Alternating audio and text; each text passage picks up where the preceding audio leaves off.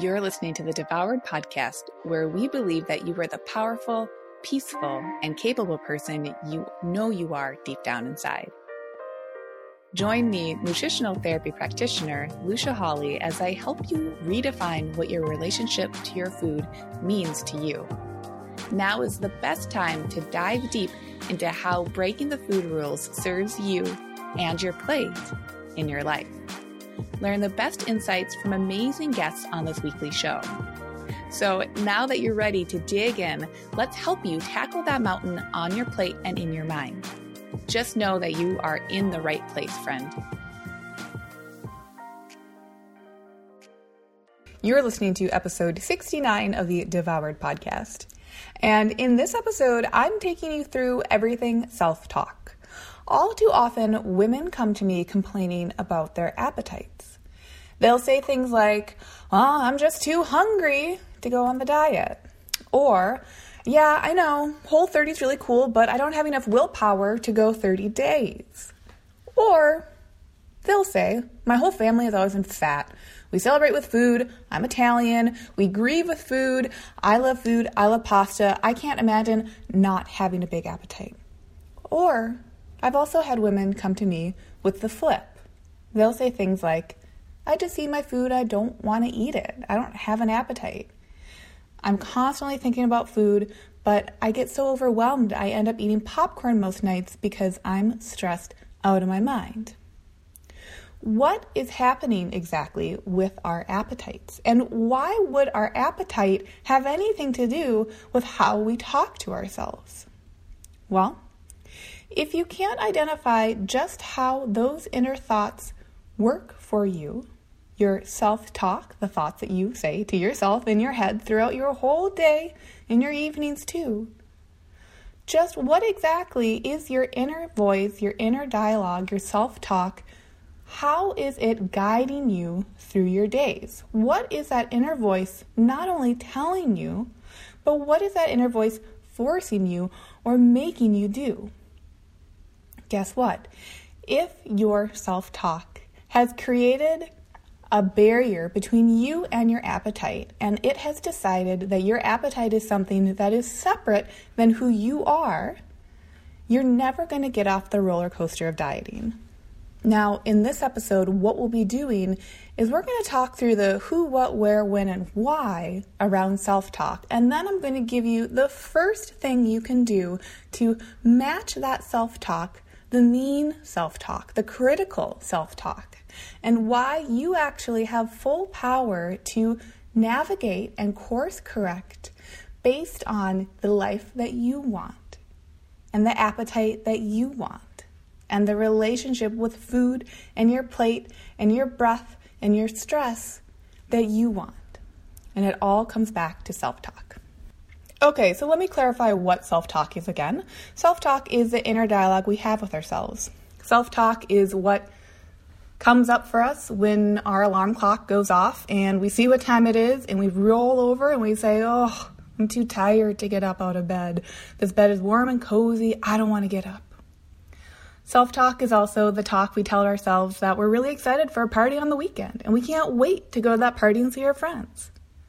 Self talk is also that same voice that tells us the day of that party that it actually might be really nice to bail and not do anything. Or we're kind of nervous to go make small talk with our friends because we feel like we're not that interesting.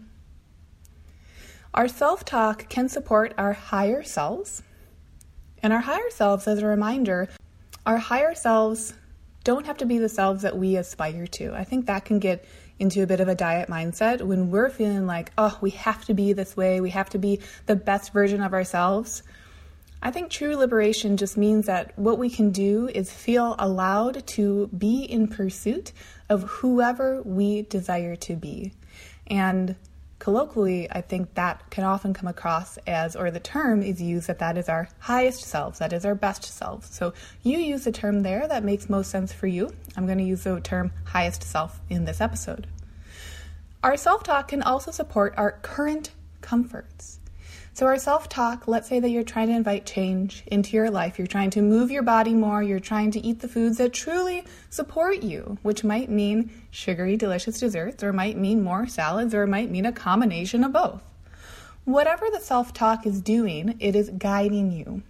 So, our self talk can support our higher selves, but it can also support our current comfort. And then we can feel at odds because we have a goal, we have a place that we're desiring to step into, and yet we have this inner monologue that is not allowing us to go there. So, who exactly self talks? Well, we all do.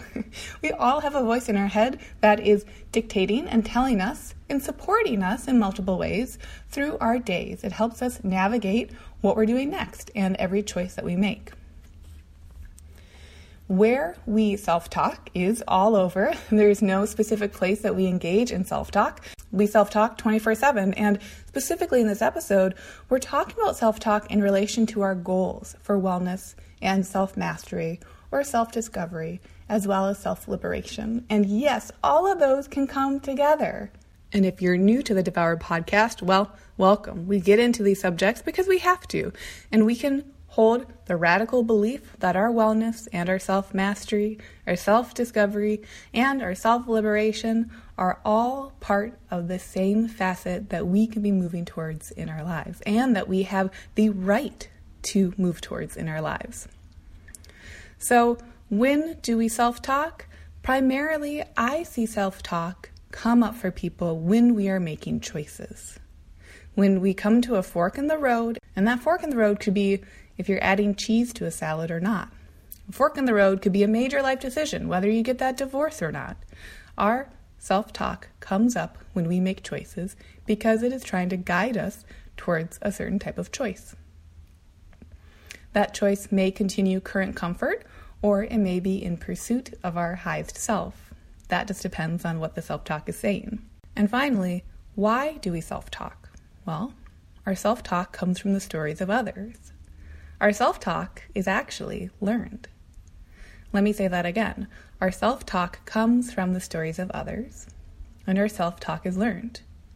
Therefore, we can unlearn self talk that does not serve us but our first step with that is making sure we know which self talk isn't serving us.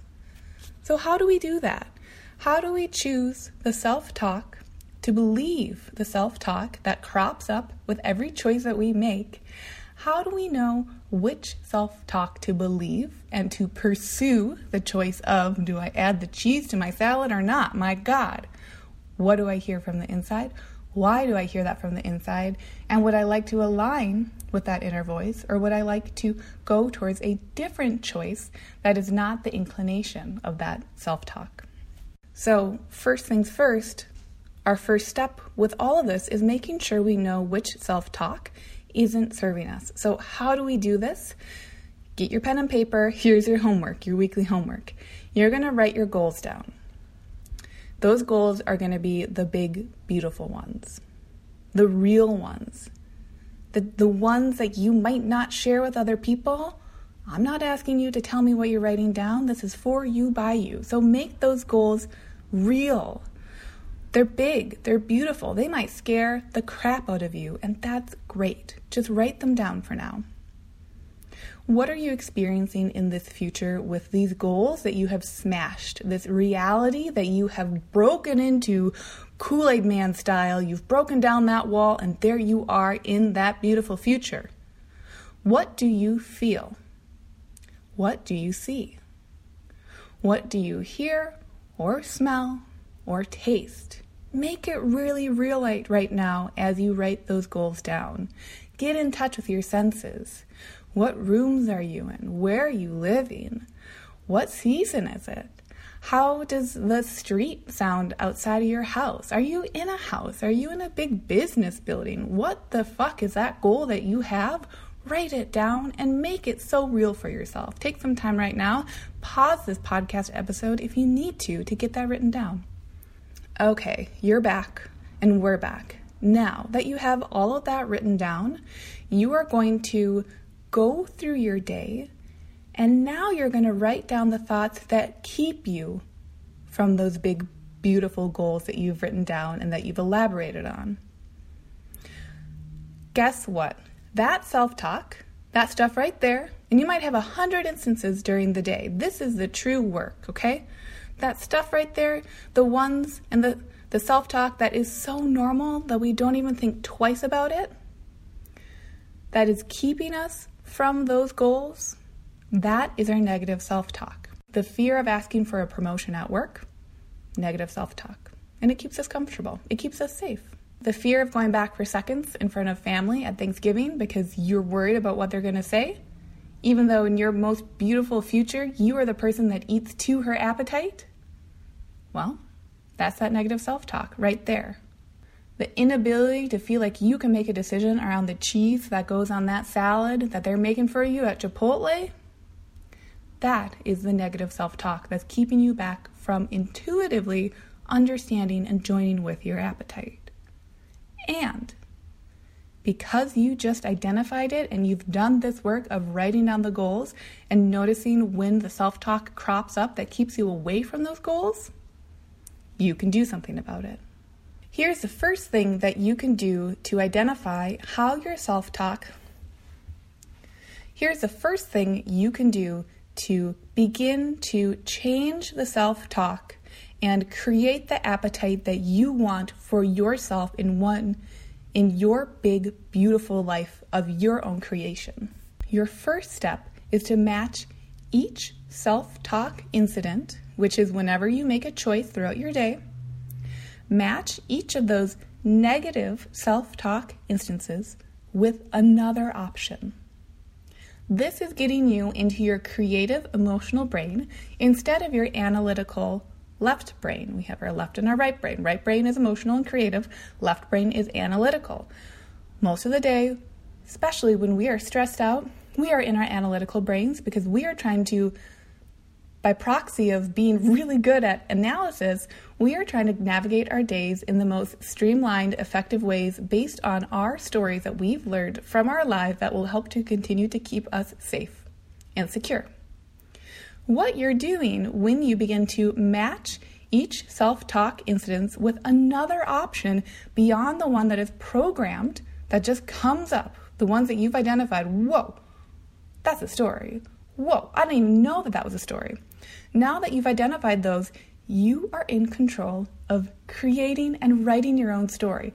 Doesn't even matter if you follow the new self talk that you are simply offering to yourself. We're not even there yet.